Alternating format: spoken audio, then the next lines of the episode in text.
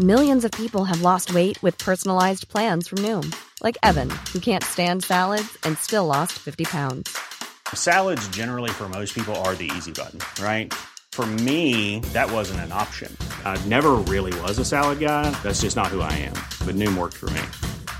Get your personalized plan today at Noom.com. Real Noom user compensated to provide their story. In four weeks, the typical Noom user can expect to lose one to two pounds per week. Individual results may vary.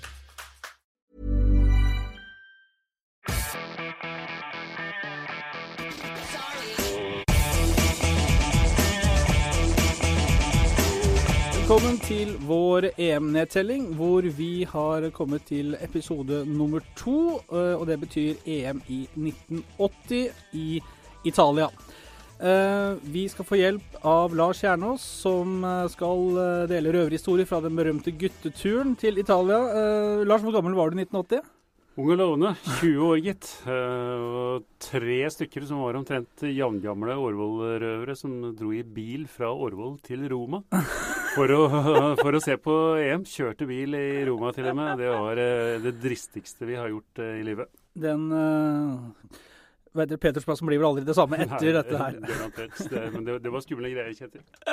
Du skal hjelpe oss med å huske EM i Italia, det ser vi frem til. Eh, Dette var jo første gangen EM ble spilt etter den samme oppskriften som VM, for før så hadde det bare vært sånn minisluttspill. Eh, I EM-en nå var det gruppespill, og, og, og så finalespill. Hvor arrangøren for første gang var plukka ut uh, på forhånd. Altså Italia var uh, kvalifisert som arrangør, og det var også første Mm. gang et, uh, en EM-arrangør var det. Så det, det var litt banebrytende i 1980. Og det er vi glad for, for det har jo gitt oss eh, sånne deilige mesterskap annethvert år, i stedet for at det skulle være et sånn kjedelighet og et VM. Ja, EM har vært eh, nydelig, og faktisk nesten med flere morsomme kamper og jevne kamper enn enn VM. Men eh, EM i 80 var, eh, var ujevnt. Det var noen kamper som var utrolig artige, men det var ikke alle. Før vi dykker ned i eh, den tunge materien, eh, vi, vi må jo få høre om denne fryktelige bilturen fra Årvoll. Nei, vi, altså, vi hadde bestemt oss for at vi skulle ha en måned i bil eh, i, eh, i Europa. Det eneste vi hadde, og vi hadde kjøpt eh, billetter til noen kamper på forhånd, ellers så var alt sammen åpent, hvor eh, si, veien tok oss dit den førte oss. Så vi havna i Roma, og av alle ting så møtte vi da en nordisk delegasjon med landslagstrenere og fagfolk på et gatehjørne i Roma og fikk sitte på med dem i bussen til noen eh, kamper. Så det var en røverhistorie faktisk av dimensjoner med Tor Øste Fossen og Andreas Moresbakk bl.a. fra Norge. Eh, Vest-Tyskland eh, europamester etter slått Belgia 2-1 i finalen. Og det var jo da eh, kalt monsteret, var det ikke det? Horst eh, Robers, som eh, ble den store helten med to mål. Som hedda inn bl.a. Et, selvfølgelig et innlegg fra like selvfølgelig Manfred Kautz, min store favoritt på, på høyrebekken. Fantastisk spiller, og tyskere hadde et lag som var godt. Men de beste tyske spillerne de ble enda bedre utover i 80-tallet og markerte seg med bl.a. noen titler og nye finaler. Eh, en ting var nå finalen, men det var kanskje bronsefinalen òg som var spesiell. Da, da spilte man jo fortsatt eh, bronsefinale. Eh, kampen mellom Tsjekkoslovakia Tsjekkoslovakia og Italia. 1-1 etter 90 minutter. Ikke noen ekstraomganger. Rett på straffer, og der ble det 9-8 i straffekonken. Fryktelig mye straffer. Der var jeg, eh, og der sto jeg på San Paolo eh, stadion i Napoli, nede på den nederste av to tribuneseksjoner. Dessverre så sto vi rett ved inngangen. Dessverre. Fordi når de italienske spillere kom etter å ha tapt den straffekonken, så hagla det med glassflasker mot spillere. Og de som var dårlige til å kaste, det var noen italienere som var det òg, de traff omtrent eh, på planeten vår, så det var, det var faktisk litt småskummelt der en stund. Så de italienske spillere sto ikke spesielt høyt i kurs etter å ha tapt 9-8 for Tsjekkoslovakia i den uh, straffekonken. Har du følt at Italia har gjort opp for seg eh, til deg etter dette her? Ja, de har servert både gelati og pizza, hele pakka, så de, de, er, de er tilgitt for lengst. Grandiosa har eh, Ja. gjort eh, bot der, ja.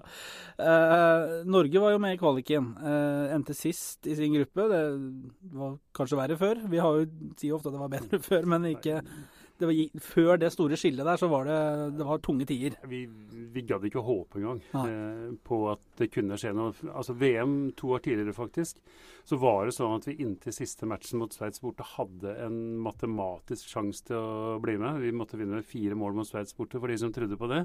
Men stort sett så var vi dønn sist i alle grupper. Ja. Ehm, men det var jo ikke det mesterskapet som går inn i historiebøkene som det mest populære, så verken publikums- eller TV-tallsmessig. Det er merkelig få tilskuere på altså, Tenk deg de kampene Belgia, Spania, Belgia, England bl.a., som i dag ville ha vært rift. altså Folk hadde jo stått i kø i måneder for å få billett. Det Mm. var altså 11 14 og 15 000 tilskuere Mm. på de tre gruppekampene til Belgia.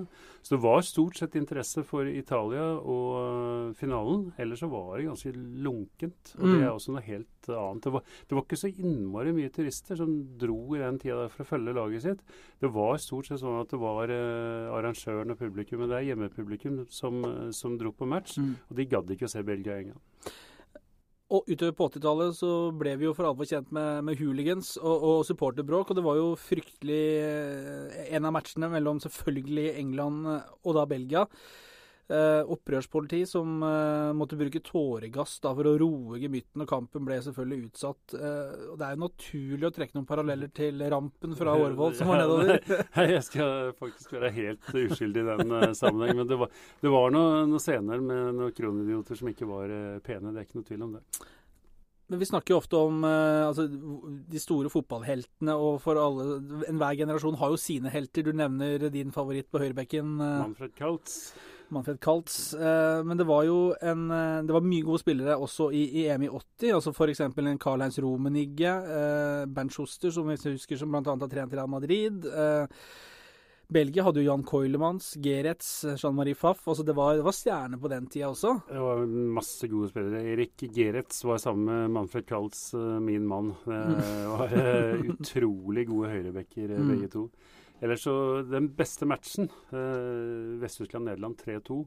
Hvor Klaus Allofs med tidenes tyske fotballbart, og den henger ganske høyt i den konkurransen her, skåra alle tre måla for Vest-Tyskland. Eh, og så hadde vi jo selvfølgelig England da, med, med sin store stjerne Kevin Keegan, som skulle skyte England til topps. Det kunne jo ikke gå.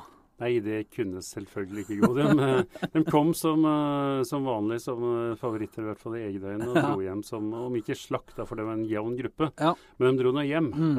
og det var ikke godt nok, rett og slett, det engelske laget. De hadde noen gode spillere, men det var for ujevnt. Og Keegan skåra ikke et eneste mål. Ikke et eneste mål. England skåra få dem også.